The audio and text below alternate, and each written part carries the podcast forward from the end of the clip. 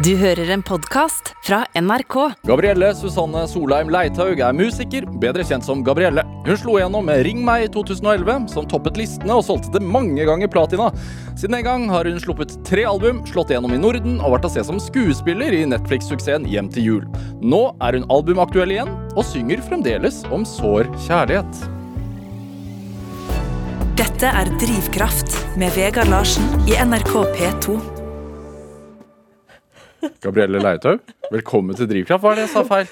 Du sa jeg hadde sluppet tre album. Jeg har jo nettopp sluppet mitt fjerde. Ja, det var det jeg sa. Jeg sa Er ikke det det jeg er her og promoterer? Nei, nei, nei. Hør nå. Hør nå her. Siden du slo igjennom med Ring meg i 2011, Ja. så har du sluppet tre album. Nå er du albumaktuell igjen. ja, med fjerde. Det fjerde. Eh, Ja, men det er sant. Her er fin intro, da. Det er, det er rart å høre det sånn når noen lister det opp. Og så har jeg hørt veldig mye på Drivkraft, så jeg syns det er veldig sånn eh, Jeg blir starstruck når du snakker Når du har sånn laget intro om meg. Jeg får pepper. De sier at det er sånn, det høres ut som en sportskommentator. Nei, det syns jeg ikke. Hæ? Syns dere det? Ja, noen syns det. Nei, du er, du er Du har en veldig tydelig signatur. Men jeg syns Ja, nei, kanskje. Jeg skal begynne å tenke på det når jeg hører på Drivkraft. Hvor viktig er det med din tydelige signatur? I musikken min Ja. Uh, Jeg tenker jo uh, over at uh, Why break a winning team? Det er Ofte så tenker jeg at Jeg husker at jeg syntes det var litt skummelt når jeg skulle gi ut Snart Gabby-albumet, fordi at jeg had, da gikk jeg litt vekk fra den Din forrige skive. Ja, eh, den veldig sånn tydelige pop rett på eh, sounden som jeg hadde. Men jeg har fått eh, vite at Eller fått beskjed om, og føler jo òg selv at eh, det som jeg eh, Sånn jeg skriver, og sånn jeg synger og formidler ting på, så det, skal det ganske mye til for at man går At man ikke er min signatur på det, da, hvis du skjønner. Ja. Så, så lenge man er seg selv, så vil det være en signatur der. Man må alltid være seg selv. Du, men um, hvordan har du det? Forkjølet? Ja, jeg er litt forkjølet, men eh, jeg har det jo Jeg har det faktisk veldig bra. I dag eh, koser jeg meg, og det Jeg har det ofte best etter jeg har sluppet albumet, eh, versus tiden i forveien. Så det at nå kjenner jeg meg liksom mye lettere, og ja, føler at eh, liksom Det som skjer, det skjer, og nå er musikken ute, som vi liksom Endelig kan jeg snakke med publikummet mitt om hvilke låter de liker best, og så videre. Så ja, det er veldig Det er digg. Nå, jeg har det digg nå, altså. Det er jo snart jul òg, herregud. Er veldig glad i jul. Det er liksom akkurat sluppet album, og så Det er snart jul. Ja, men det er snart jul. Men ja, så eh, til spørsmålet ditt. Jeg vil si jeg har det bra, jeg, egentlig. Mm. Hvordan er det kvelden før et sånt albumslipp?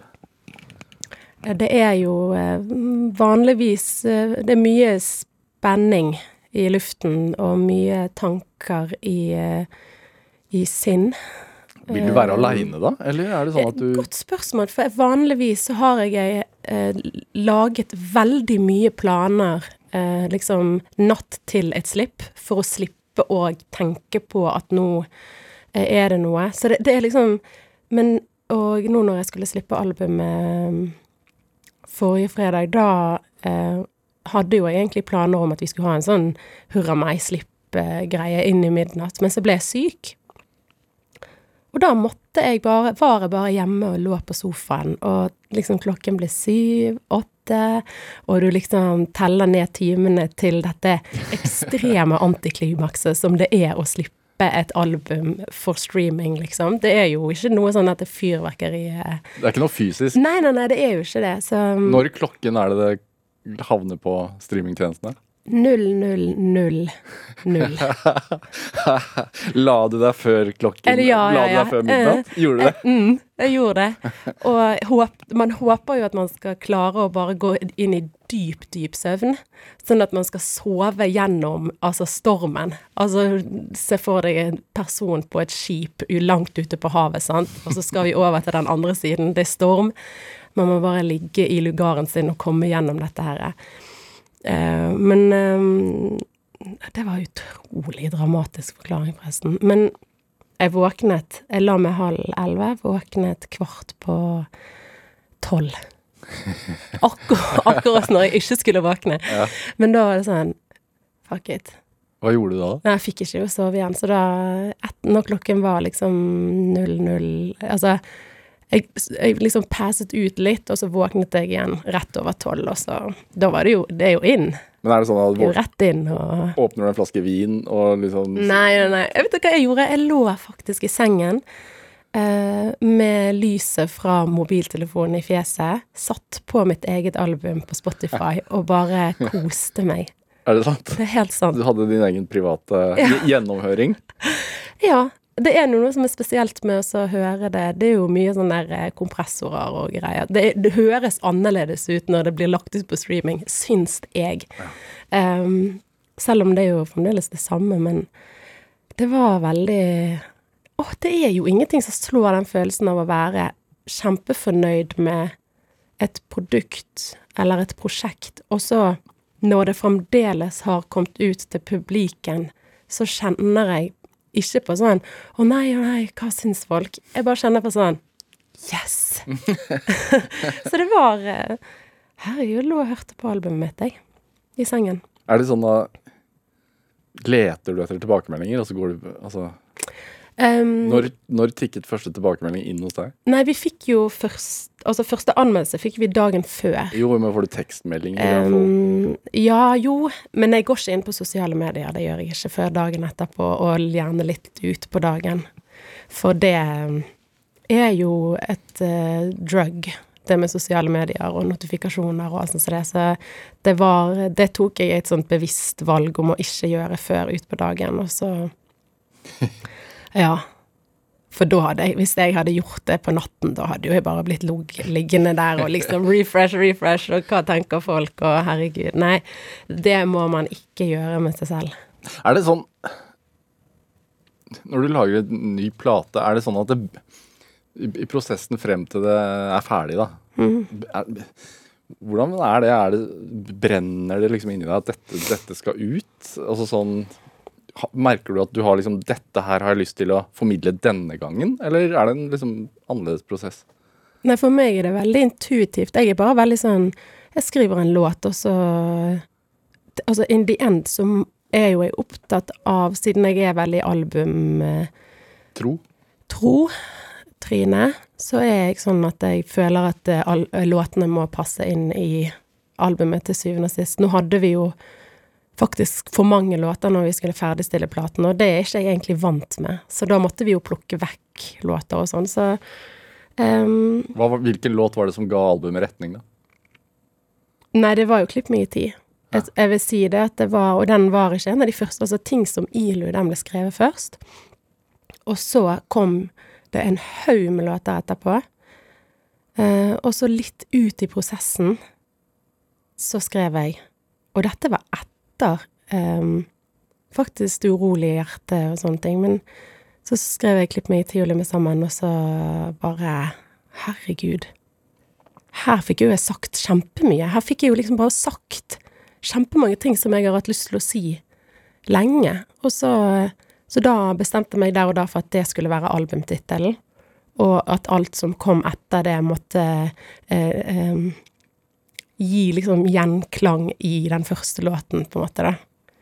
Eh, selv om tematikken varierer veldig fra låt til låt. Vi er jo her, og vi er der, og så skal vi tilbake der igjen, liksom. Så, men jeg, jeg føler sjøl at det har blitt liksom en reise fra A til Å som er Ja. Som passer sammen med den første låten, da. Men det, altså det er Blir det feil å si at det er, at det er en nostalgisk låt? Klipp meg i tid? Ja. Nei, nei. Men jeg er jo, det, jeg, jeg er jo ekstremt nostalgisk, Hvorfor det? føler jeg. Nei, jeg tenker veldig mye over uh, uh, fortiden, ting jeg, jeg savner mye tilbake til ting. Uh, opplevelser og relasjoner og På en god måte, eller Ja, jeg vil jo si det på en god Men jeg kan bli trist. Jeg kan bli trist når jeg tenker over Det kan være helt enkle ting som at man var eh, eh, 14, da. Eh, og de tingene man gjorde da, og de relasjonene man hadde da. Og så bare får man aldri det tilbake. Jeg syns det eh, det er helt grusomt noen ganger å tenke på det. At det bare det var da. Men det er ikke lenger. Og så mange av de øyeblikkene er jo for an... Altså, det er jo på en måte bare Hvor er de? De er jo forduftet, da. Eh, men eh, men så har jo vi her og nå. Men her og nå er jo òg vekke på et blunk. Så dette blir veldig depressivt. Men ja, tenker mye på tid, og tenker mye på På Ja, hvor fort den går, egentlig. Ja. Kanskje du blir litt sånn av å tenke Er det bare meg? Nei, jeg har blitt veldig sånn etter at jeg fikk barn. Ja, sant. Hvor da- gammel er de? Tre og ett. Ja. Tre og et halvt og, tre og, og ett og et halvt. Se, jeg sier fremdeles tre og ett, men det er et halvt år siden de var det. Jeg har mange tantebarn selv, og jeg kan bli helt sånn Jeg kan ikke sette meg inn i hvordan det må være å være forelder en gang. Og så, hvis jeg har de følelsene jeg har overfor tantebarna, hvordan i all verden er det å være forelder da, liksom? Ja, For da ser man virkelig at tiden går fort. Mm, skikkelig òg. Det er helt sprøtt. Men hva er det du Får du liksom panikk av det, nesten? Nei, altså Hva er panikk, egentlig? Altså, det er jo eh, eh, Jeg kan bli eh, em, Jeg syns det er vanskelig å svare på, egentlig, om jeg Jeg får ikke panikk, men jeg ja, kanskje en mild form for det. Litt. Fordi at jeg, at jeg kan eh, gå inn i et sånt eh, tenke på tiden-spor. Men det må man hoppe fort ut av. Ja. Hvis ikke så blir man Da blir, kan man bli en veldig dark person, altså. Så Men um, Ja. Når, når kommer de tankene? da? Uh, det vet jeg ikke. Men det kan, det kan jo komme når man ligger Når man har lagt seg, sant. Jeg kan bli tenke mye når jeg, legger, når jeg legger meg, eller eh, Man vet jo aldri når man blir eh, angrepet. Altså av nostalgi og av på en måte eh, disse tankene. Det er jo Det kan være når som helst, egentlig. Men man kan jo dyrke nostalgien, da. Og det er også, Mm. nostalgi er jo også en god følelse. Fordi når du tenker tilbake Mm. og blir nostalgisk, så er det vel generelt Eller nå vet jo ikke jeg, da, men Det er utelukkende uh, når jeg Gode- tenker på gode gode opplevelser. Ja, ja, ja. 100% Så det er ikke noe sånn. Eh, det er bare det at, at jeg kan eh, At jeg kan sørge litt over eh, ting som ikke er lenger, på en måte. At jeg tenker sånn Ja, det var fint. Men jeg hedrer det jo på en måte i tankene mine, da. Tenker fantastisk. Det var veldig Det var gode øyeblikk. hva var det siste du tenkte på som ga deg den følelsen? da? Jeg gikk en tur i um, um, for, Altså i helgen på, Da gikk jeg en tur i en liten sånn eh, lukket hage som ligger ved siden av eh, Sagene. Hva er det den heter, den hagen? Det er sånn der folk kan dyrke En sånn kolonihage? i kolonihage. Og så gikk jeg der, og jeg er jo det er Portveien 2 her, faktisk. Eh, Er det der? Mm. Oppå Sagene? Mm. Wow, ok. Um, I alle fall. Inni der.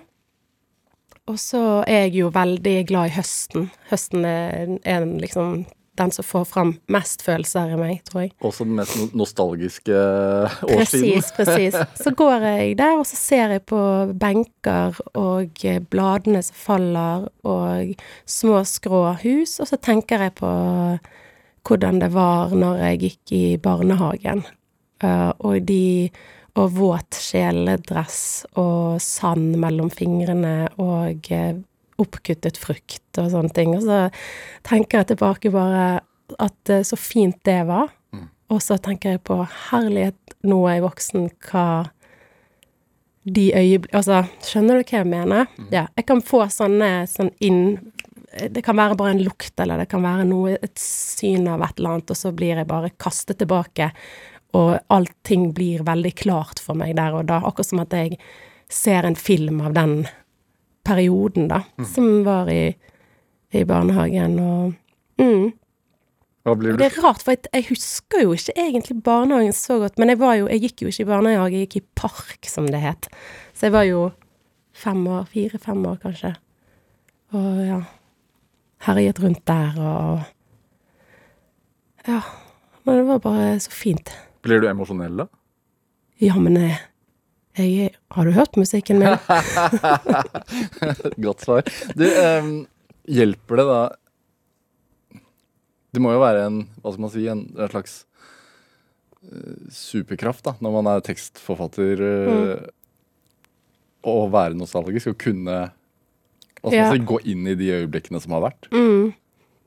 Ja, kanskje det er det. Det er jo, det er jo utvilsomt Jeg henter jo utvilsomt mye eh, eh, inspirasjon fra tidligere ting som jeg har opplevd, og så Ja.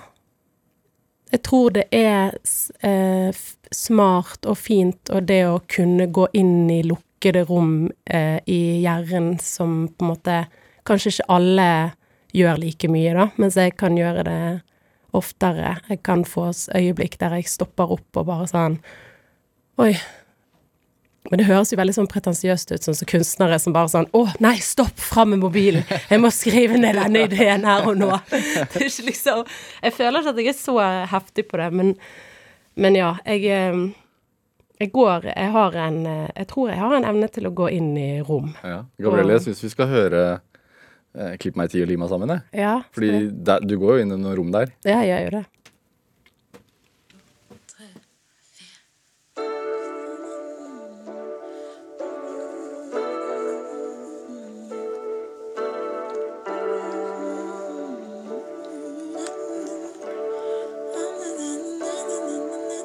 Vært sistemann fra festen, ja. Sistemann som sto igjen på sokkelesten. Når hele verden raste sammen, og når alle nødbluss var skutt opp. Og tenkte ingenting var noensinne nok.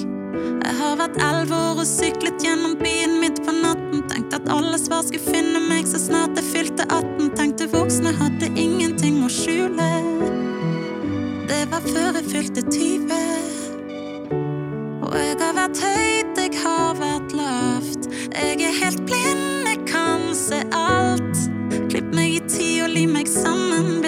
bli helt lik, men er fortsatt helt den samme.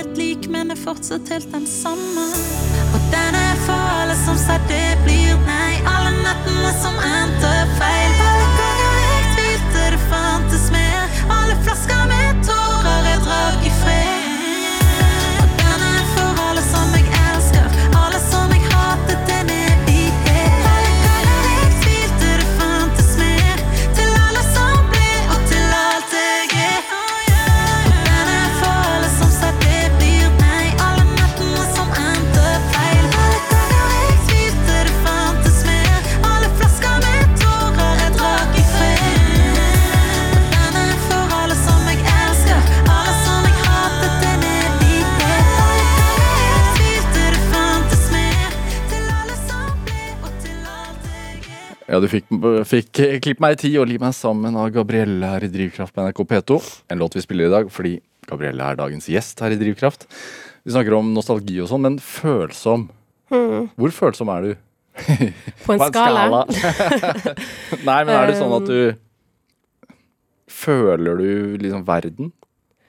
Kan du, kan, kan du lese en nyhet og bli så emosjonell, liksom, at du må legge den fra deg?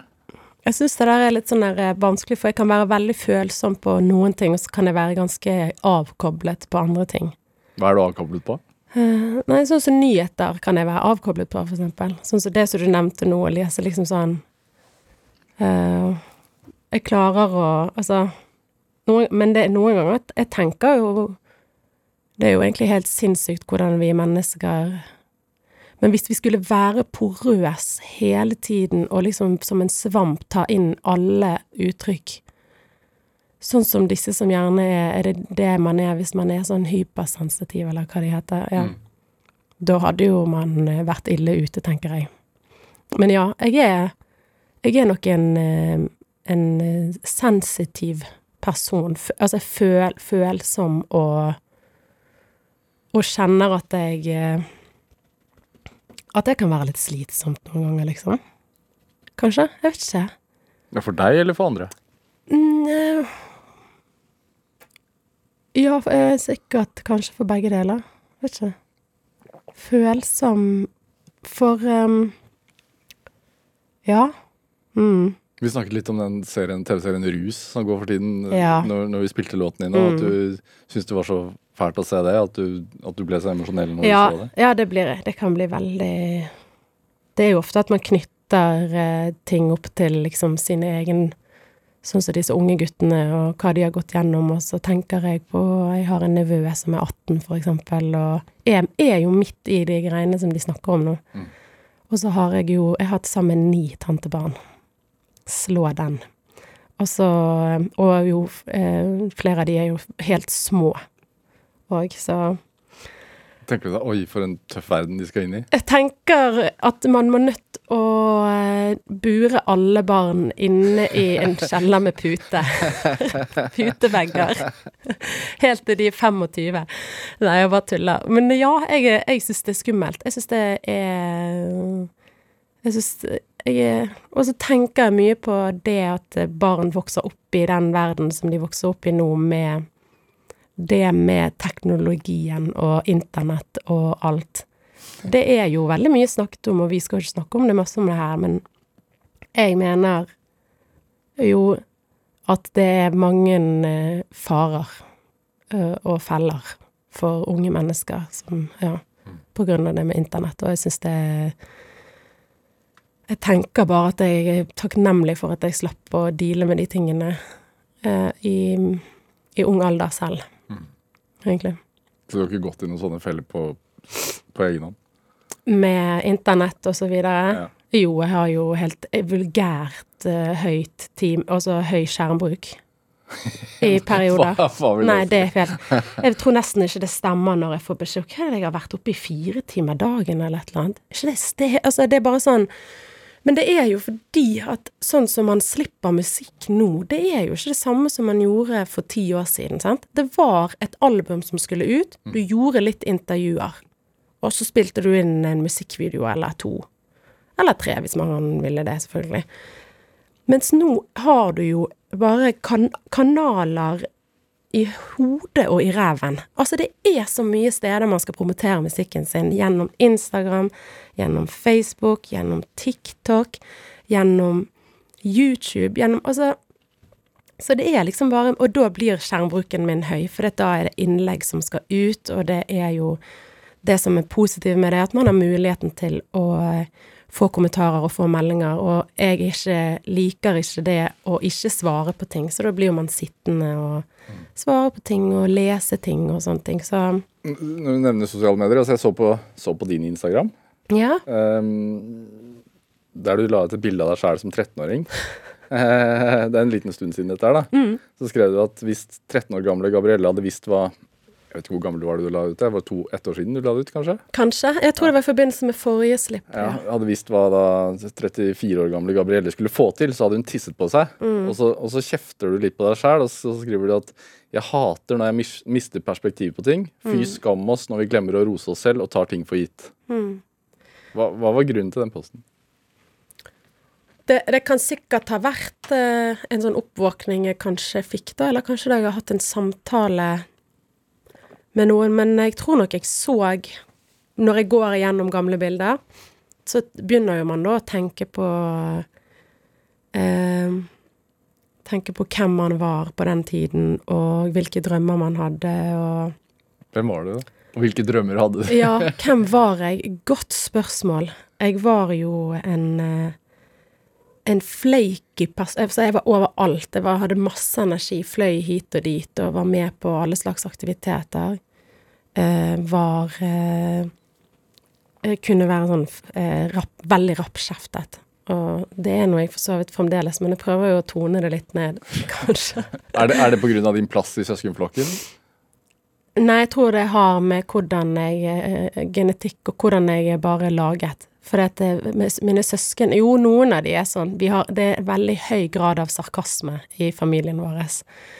Um, men um, sånn at hvis man kommer utenfra og er med på middagsselskap, så er det Så, det kan være så kan det være hard kost. Nei, jeg syns vi har gode sosial intelligens, og vi klarer Vi er ikke stygge med folk som kommer utenfra, altså. Men innad er det ganske sånn eh, Ja.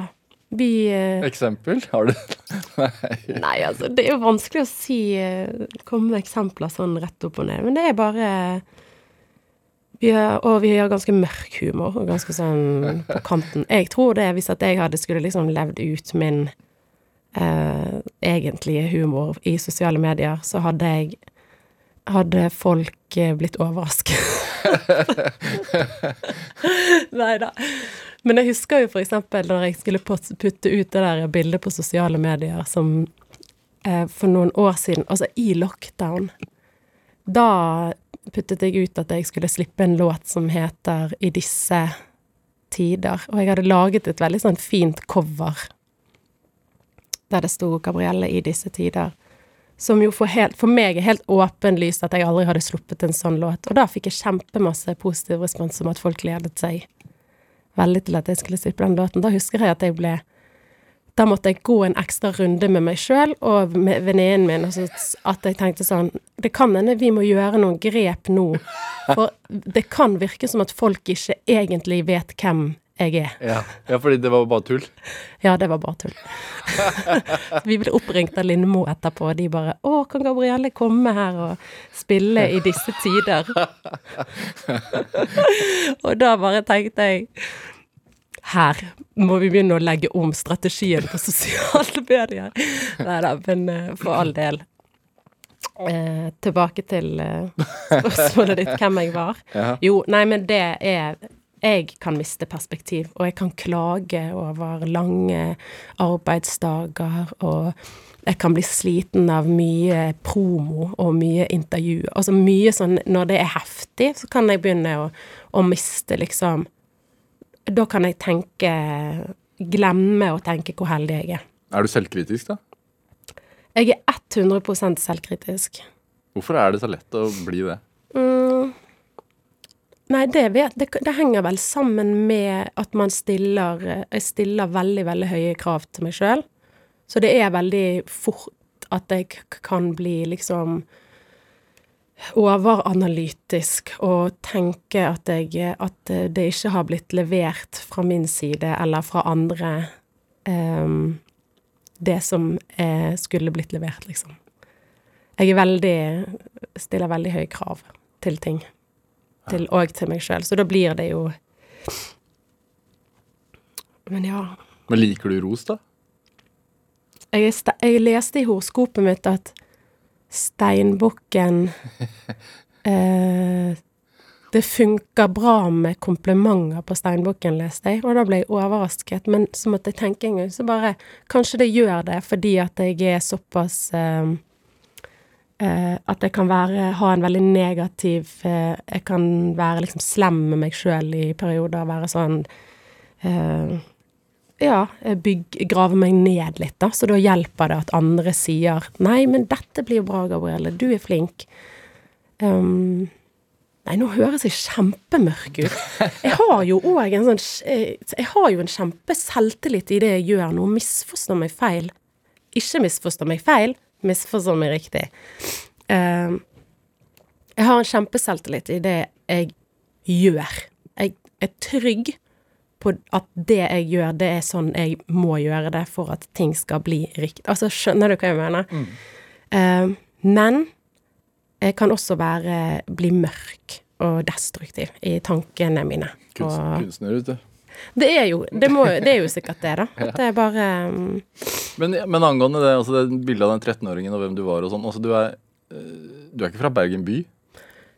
Jeg syns det er vanskelige spørsmål, fordi at Bergen by er jo Jeg vil jo si at Bønes er Bergen by, men det er ikke sentrum. Nei. Nei. Plass, hva slags plass er Bønes? Det er jo en, en midt Altså det er sånn midtre eh, Middels til øvre middelsklasse, på en måte. eh, Rett utenfor sentrum. Trygt og greit og fint, syns jeg. Var det iallfall når jeg vokste opp. Og Og ganske musikalsk familie? ja, jo. Mm. Mye Mye sang. Ja. Sånn er det når man kommer fra bedehusmiljø. ja. Nei da, men ikke bare det. Mamma hadde jo ingen bakgrunn fra det, så Nei, fordi moren og faren din var ikke musik, eller er ikke musikere, men I, altså, de eh, reiste rundt og spilte og sånn da De jeg var gjorde det. Ja, de gjorde det. Det var jo eh, på teltmøter og på alt. Og, og mamma har jo gitt ut tre Altså mamma og pappa har gitt ut eh, to kassetter og én CD. ja. Ja, og eh, min tante Solveig Leitøy, hun har jo gitt ut masse dritfin musikk. Eh, album. Hun bor i Nashville nå, men eh, er, turnerer av og til i, i Norge fremdeles. er ganske stor. Ja, hun er ganske stor, og kanskje spesielt innenfor det eh, kristne miljøet da, i Norge. Men det hun har gitt ut i det siste, har jo vært mer en sånn crossover til sekundær musikk. Er det det det heter? Ja. Ja. Er det også sånn, sånn som Solveig Leitøy, altså tanten din Mm. eh, Det at hun har altså, klart seg som artist, Mm. Har det betydd noe for deg? Nei, eh, altså eh, Eller hva, hvordan betydd, tenker du? Nei, det å vise altså at en i familien Ja, sånn, har vist liksom vei at man også som artist, det, det kan funke, man kan overleve som det og Ja, ja, ja. Jo, det kan godt hende i underbevisstheten at det har hatt en ting å si. Jeg så jo veldig opp til henne da jeg var liten. Hun var jo en superstjerne. Ja. Uh, og hun er utrolig rå, og uh, jobber fremdeles beinhardt med dette. Og altså, det kan godt hende at jeg, at jeg har tenkt at dette er mulig for meg òg, liksom. Det er jo veldig mange faktorer som spiller inn på akkurat den delen, da. Ja. Men du, jeg vet at du som 17-åring eller sånn reiste til Colorado Mm. eh, og besøkte henne. Ja. Eh, og hun Var det Nashville? Nei. Da bodde hun i Colorado Springs. Ja. For da Ja, altså, jeg var jo en dropout eh, student Fra videregående? fra videregående. Ja, jeg begynte Jeg kom ikke inn på musikk, dans og drama. Begynte på tegning, form og farge. Kunne ikke tegne, eh, ble jeg fortalt, og forsto jeg da. Sluttet der, og begynte å henge med folk som var mye på fylla og herjet mye rundt. Begynte å lyge for mamma og de og litt sånn, og så oppdaget de det. Og da var deres forslag det, at um, kanskje vi skal bare liksom bryte opp det mønsteret du er i nå, og så eh, kan hun kanskje besøke tante Solveig, da. De sendte deg, sendte deg bort. det Høres skikkelig brutalt ut, men det er jo det beste. Ja. Eh, Det er jo bare helt eh, Det høres ut som de var sånn You're going to camp! Eller liksom sånn You're going to rehab. Men det var ikke det. det for meg føltes ikke det sånn i det hele tatt. For meg var det sånn Wow! USA! Ja. Stort, liksom. Så jeg var der borte i tre måneder, og Og kjent også artisttante i USA. Ja, ikke sant? Ja. Men altså, de drev jo med et misjonsarbeid der borte, og hun sang jo mye rundt omkring òg, men de var veldig sånn normal hverdag, egentlig. Så jeg hang der og Fremførte sammen med henne. Ja, vi sang Jeg husker vi sang sammen et par ganger. Så det var veldig gøy. Er det, altså når du sier sånn at du droppa ut, var det Ungdomstiden er ganske brutal. Mm. Og siden du også synger om det på et vis, så er det sånn Hva, hva lette du etter? Mm, som ungdom. Ja. Nei, da var jo jeg bare um, ute etter moro, egentlig. Og så hadde jo jeg på en måte hele livet blitt fortalt at, uh, at du har så mye musikk i blodet, og, og så mye musikalitet, at dette er jo noe som er helt naturlig for deg at du skal drive med. Så jeg husker når jeg ikke kom inn på musikk, dans og drama, så var det jo litt sånn Low-key gjorde jeg en ganske dårlig audition, så jeg ble egentlig ikke overrasket. Jeg tror jeg sang og spilte liksom Titanic-låten ganske dårlig. Celine Dion. Ja, My Heart Would Go On. og Lion King, tror jeg. så det var liksom Men eh, det jeg var på utkikk etter da, var moro. Masse moro, og jeg har aldri hatt Jeg har aldri visst hva jeg skulle studere. Jeg har aldri vært noe sånn derre Å, jeg ser min vei framover. Det har jeg liksom aldri gjort. Men det er interessant da, at du søker på musikk, dans og drama. Mm. Kommer ikke inn. Melder deg på Idol. Blir slått ut. Ja. Melder deg på X-Faktor. Blir slått ut. Mm. Og likevel så er det noe i deg som er sånn altså, Nå holdt jeg på å banne på lufta, men altså, du er sånn her Jeg skal klare det. Ja, men altså, det har jo ingenting å si om man ikke kommer med videre på en talentkonkurranse. Nei, men det er noe Men Det er ja. en selvtillit Ja, det er jo en- det er jo på deg selv, da. Hvor, Eh. hva, hva, hva sa du til deg selv?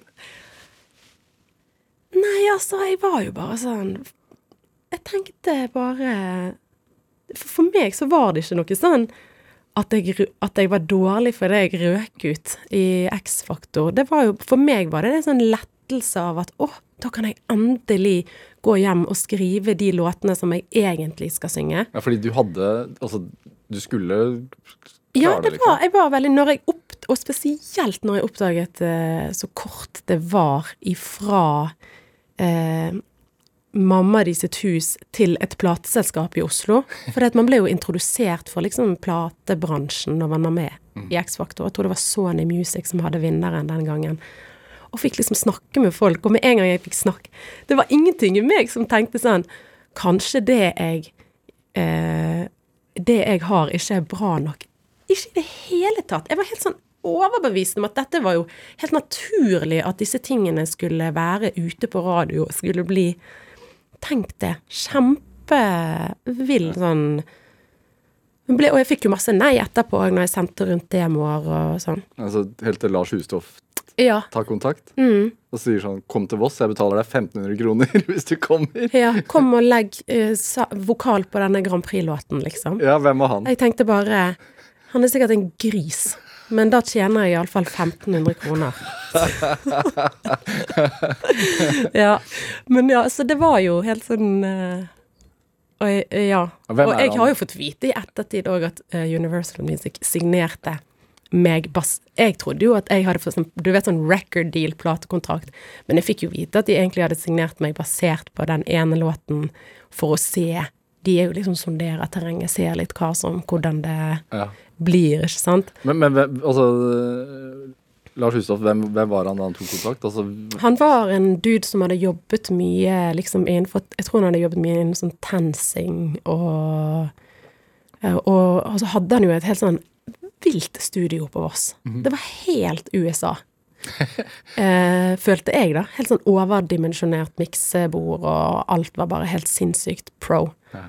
Så um, han, jeg tror han hadde liksom gjort liksom studioting, og hadde jo ambisjoner sjøl. Så jeg, når han traff meg, og når han hørte demoene mine, blant annet Ring meg, så eh, tror jeg han tenkte dette er muligheten min òg. ja. Og så når, når vi begynte å snakke om det, så skjønte jeg OK, dette kan være min mulighet. Vi er hverandres mulighet. Så det ble jo helt sånn at vi, vi jobbet oss sammen opp der som vi Som vi eh, kom Nå er jo det noen år siden vi sluttet, avsluttet av eh, samarbeidet, men, eh, men for en reise, altså. Ja. Så slipper dere ringe meg.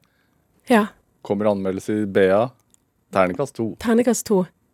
Drittlåt, sa de. Ja. Eller jeg husker ikke hva de skrev. Um, og da tenkte jeg eh, Så rart. Jeg syns den låten var Jeg Ja. syns den låten var helt rå. Ja. Og ikke Men altså, det, de altså, sier jo det back, noe sånn, plass, sånn fra et kommersielt ståsted, så var jo to bedre enn tre, eksempel. Det er jo sånn enten to eller seks, eller én eller seks, skulle man vel få. Men du var, ikke, du var ikke alene om å synes det var en bra låt, da. Altså, Ring meg eh, ble årets landeplage. Eh, rett på hitlistene. Ti ganger platina. Wow. Vi hører litt? Ja ja, kjør på.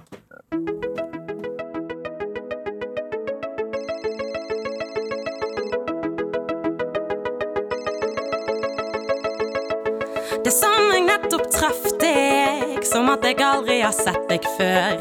Det som jeg aldri har hatt deg, som at jeg nettopp har følt hva du gjør. Du er ikke som de andre, ingen andre er som deg. Det er ingenting jeg vil forandre, som lyder ordene fra din munn til meg.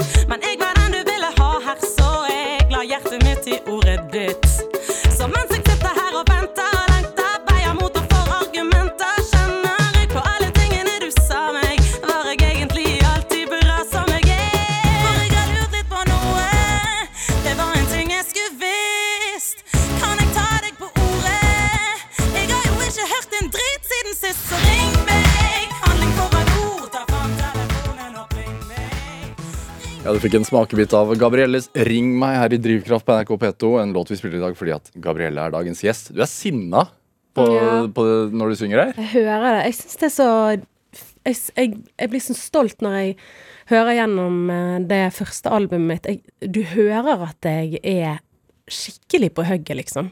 I all, nesten alle låtene er det en veldig sånn Jeg er så Jeg er sulten, og jeg er frampå, og jeg er liksom bare sånn Og det husker jeg gikk igjen liksom noen av de anmeldelsene òg fra den tiden, at eh, for det var jo liksom uenighet om Det var ikke alle som syntes det var så bra, og, sånn som det, og det kan jo man si hva man vil om, egentlig. Og, men at de trodde på meg. Men vi, vi tror på henne, liksom. Um, vi tror på det hun sier. Ja, for du, du synger 'Ring meg', men du kan like gjerne liksom synge sånn 'Ikke avskriv meg', liksom. Mm, ja, det var veldig Jeg var jo eh, ja, skikkelig på hugget. Som liksom Noe av det som jeg syns Selvfølgelig òg låtene og lydbildet i musikken min nå er jo um, Alt er jo forskjellig, men det føler jeg er noe av det som kanskje eh, jeg kan trekke fram, som jeg merker er har endret seg, det er det at jeg tør å være mer tilbakelent i musikken min nå enn det jeg var da. Men jeg var jo Det er jo tolv år siden vi produserte opp den platen, liksom, så Eller Det jo har vært en kurve, da, for å si det sånn. Men, men eh, skikkelig Fy fader. Ja. Det er ganske hardt. rett på. Den der drivkraften om å nå ut som artist, Mm. er det Føler du at det har, liksom, er, har vært en del av din person siden du var liten?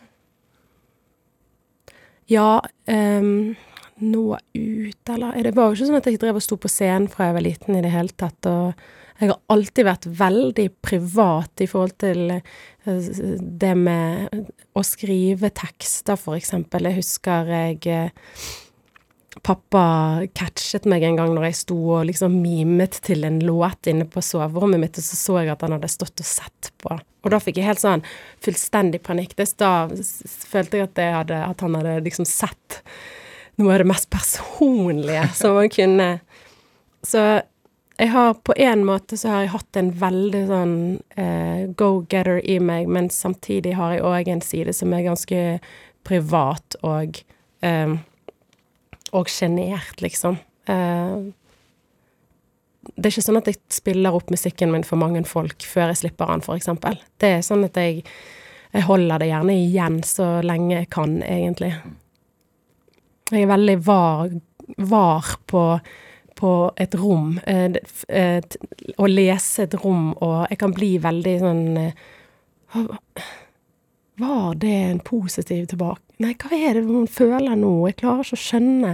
Og da kan jeg og tenke på det etterpå. Hæ, er det bra, er det dårlig, liksom? Som er jo helt sykt. For jeg, jeg har alltid stått veldig i min egen sånn 'Dette liker jeg, derfor skal jeg gjøre det'. Og Men så likevel har jeg en side som er bare litt eh, Ja, tilbake til det vi snakket om i sted. Sår. Sårbar og, og selvkritisk og Ja. Men er det er det, altså Var hjemmet ditt kunstnerisk? Um, Altså, du nevnte jo at de spilte musikk og sånn, men altså Nei, altså jeg vil ikke si det var utpreget kunstnerisk, egentlig. Men men det var veldig mye musikk. Altså, og min far er jo en drømmer, og en Han øh, jobber jo som Nå er han pensjonert, men jobbet som arkitekt i mange år, og, og er veldig sånn Han var jo en kunstner, han er jo veldig flink til å male og, og sånne ting. Og mamma òg er jo kreativ. Men det var liksom ikke sånn at jeg følte at jeg bodde i et kunstnerhjem i det hele tatt. Det var ganske sånn, ja, vanlig, fint. Men selvfølgelig, det er jo rart når man synger firstemt, og du som etter liten full. Liksom, det var mye det. Det var veldig mye harmonier, og når vi hørte på musikk i bil, var det liksom at alle sang med i forskjellig Man la seg i de og de stemmene, så det ble liksom en sånn Ja. mus musikk fylte Ja. et rom Ja, i hjemmet. det har vært eh, Det var mye det, ja. Mm. Er det Jeg tenker på Ring meg, den ble en enorm hit som vi har vært innom. Og, og, men når man er da kjent, blitt kjent gjennom disse talentprogrammene, så får man jo et litt ungt publikum. Ja, men gjør gjerne det. Jeg følte liksom aldri at jeg ble egentlig kjent gjennom det, de programmene. Det var liksom ehm, Jeg var jo veldig tydelig på, å, når jeg var ferdig med X-Faktor, om ikke at jeg skulle være noe Jeg gjorde ingen jobber der, X, der de fikk nevne X-Faktor i det hele tatt. Men, Men men jeg tror sånn- når du slipper en låt som heter Ring meg, kan du få et veldig ungt publikum. Ja. Ja, Og så la dere en sånn nei-strategi. ja vi gjorde det. Hva betyr det? Eh, Nei-strategien, eh, det var jo eh, egentlig òg mest fordi at jeg eh, Ja, er det Lars det? Du har kanskje lest i et intervju med Lars, kanskje, det der med at vi ikke skulle Ja. Ja. For min del var det veldig sånn eh, hvis, skulle, hvis jeg skulle gjøre noe i offentlighet, så skulle det ha en direkte tilknytning til musikken. Jeg var ikke interessert i å steppe opp på all slags eh, eh, opplegg, liksom. Det var Helt fra starten var vi veldig tydelige på at det skulle være eh, noe som kunne bygge opp under artist... Altså artisteriet mitt eh, og låtene mine og sånn, for at det skulle være verdt det, da. Så mm, vi var nok eh, oppfattet som eh, nei, nei-mennesker, kanskje litt, ja. Hvor viktig er det å legge en sånn strategi? For, for meg var det veldig viktig. Eh, det er jo viktig å tenke over eh, eh, hvem man er, og hvem man eh, På en måte hva man er komfortabel med å gjøre, og, og, og liksom legge en sånn list. Hvordan kan jeg formulere det? Um, ja, bare finne ut eh, hvem du har lyst til å være som artist, da. Og da er det veldig, veldig mange ting som ikke eh, er med å bygge opp under det, altså, for å si det sånn. Eh, så da Ja. Og da er det lett å si nei òg. Da er det sånn Å ja. Men det blir ikke eh, Ja. Det blir ikke de og de tingene. ja. Er det Jeg tenker sånn du, du skal jo spille så, så her forleden at du slapp en nyhet om ganske svær konsert i april neste år. Mm. Ja, det var veldig gøy. Vi skal spille i Spektrum. En split-gig sammen med Veronica Maggio. Ja. 1. april. Og så har vi en liten, altså vi har en liten turné i forbindelse med det, da. Eh, også. Men ja, det blir jo den største på en god stund, for å si det sånn. Og så skal vi ut på festivalsommer, som også blir Er det sånn Er du en på et sted i karrieren din nå at det er bare sånn Ja, ja, da skal vi spille i Spektrum? Eller er det litt Nei. sånn klyp meg i armen? Ja. Det, jeg, jeg kjenner det at jeg har ekstremt dårlig tid. Fordi at jeg er veldig, veldig involvert i liveproduksjonen, og jeg er Jeg kan bli andpusten av å tenke på de månedene som er fram til vi skal spille. Uh, og, eh, og jeg tar veldig, veldig seriøst på uh, oppdragene. Uh, og det å spille i Spektrum, det er et ganske stort rom. Eh, og det å skulle nå inn til alle som er der, fra en scene som kun er på ene siden, det er liksom Ja, man må bruke noen sterke virkemidler der. Og, og vi er bra live. Det mener jeg, og det mener eh, jo veldig mange av de som har sett oss live òg. Har man lov til å si det? At man er, har man lov til å si sånt om seg sjøl? Ja, jeg syns det er fint, jeg. Ja. Det var akkurat det du skrev i den posten, det- at man skal klappe seg selv på skulderen. Ja, ja, eh, men, men derfor så er jo listen ligger veldig høyt for meg, da. Jeg kan aldri slappe av når jeg skal ut på turné. Da er det sånn Ja. Vi, ja, vi var bra forrige runde, ja, men da må vi være enda bedre nå. Så Så nei, Spektrum, det blir stort for meg. Er det Altså, det er noen temaer som vender tilbake, for, eksempel sånn som jeg sa innledningsvis den timen her, kjærlighet. Mm. Sårkjærlighet.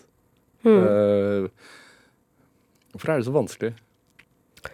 Med uh, kjærlighet Hvorfor liker vi å høre om det og bade i det? Det er jo så utrolig universelt. Det er jo bare noe som alle uh, mennesker nesten kan Vi kan sitte og snakke om det time ut og time inn, liksom. Kjønnsslående. Ja. Altså, det er jo Så jeg er veldig Jeg er utrolig fascinert av det. Hvordan vi mennesker bare plutselig oppfører oss helt annerledes. Enten i frykt for å ikke bli likt, eller fordi at man eh, Jo, ofte det, egentlig, men også for i den der eh, I det at man ønsker å oppnå kontakt med et annet menneske, og hvordan vi oppfører oss. Sånn som den bok, en bok som jeg har lest som heter 'Restridig forføyning', som jeg er veldig, veldig glad i. Jeg husker ikke hva forfatteren heter her og nå. Men den handler jo om sånn desperat kjærlighet, liksom, som bare er Altså, det er jo pinlig å lese disse bøkene, for det at vi, hva vi mennesker gjør Vi leser jo ikke det, vi blir jo desperat. Vi leser jo ikke hva som er Altså, man oppfatter ikke signaler som blir sendt, og man Herregud. Det er ikke så mye låter jeg har skrevet om akkurat det, da, men jeg må nesten gjøre det snart, tenker jeg. Ja. Men eh, ja, kjærligheten blir aldri, aldri lei.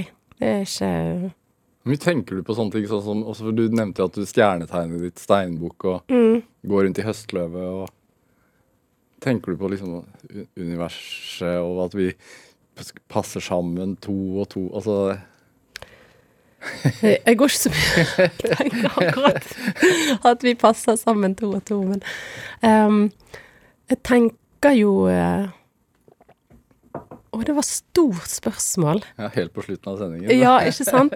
Men jeg tenker jo mye på, uh, på kjærlighet, og uh, jeg syns kjærligheten er det vakreste vi fins. Gud, for en klisjé å si noe sånt. Men altså, det er jo det, og ja. Når det er bra, så er det det beste, og når det er grusomt, så er det, finnes det ingenting som er verre, liksom. Så Men jeg går ikke rundt og tenker på det hele tiden, det gjør jeg ikke.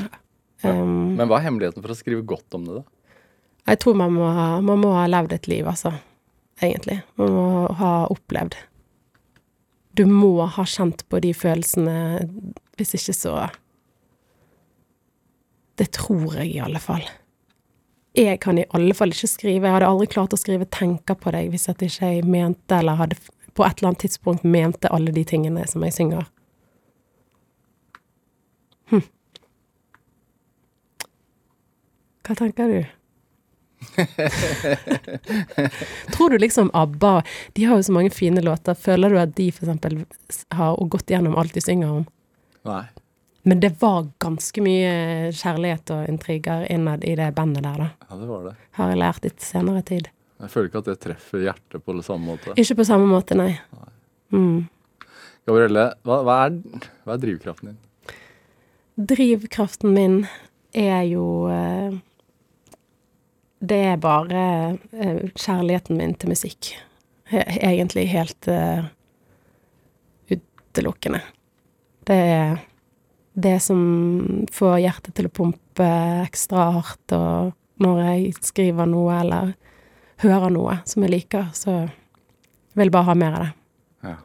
Så det er jo det, da. Kanskje. Du blir nesten rørt når du tenker på det? Nei, jeg blir jo ikke egentlig rørt, men jeg blir eh, det, det er, Jeg tror det er det som må være svaret. Ja. Ja. Men jeg Jeg mener jo at drivkraften min òg er det å selvfølgelig gjøre en forskjell i andres sine liv. Det, det tenker jeg òg på når jeg skriver en låt. Jeg tenker at denne håper jeg kan treffe noen, at de kan få noe ut av det. Men jeg gjør det mest for meg sjøl, hvis jeg kan være ærlig. Det er sikkert sånn du treffer sterkere, da. Ja. Mm. For at det treffer deg. Um, Gabrielle, tusen takk for at du kom hit til Drivkraft. Tusen takk for at jeg fikk komme. Um, skulle gjerne spilt mer musikk, men det får vi ikke tid til. Hør eh, flere samtaler i Drivkraft på nrk.no, i NRK-appen, eller eh, last oss ned som podkast. Send oss gjerne ris og ros og tips til mennesker du mener har drivkraft. Send den e-posten til drivkraft, krøllalfa, nrk.no. Produsent i dag, det var Kjartan Aarsand. Tobias Brynløsbakken Huse gjorde research til dette programmet. Og Anne Sofie Stang bidro også sterkt til denne sendingen. Følg oss også gjerne på Instagram på NRK Drivkraft. Der har du en bildeoversikt over alle som har vært gjest i dette programmet. Jeg heter Vegard Larsen. Vi høres igjen i morgen. Du har hørt en podkast fra NRK. De nyeste episodene og alle radiokanalene hører du i appen NRK Radio.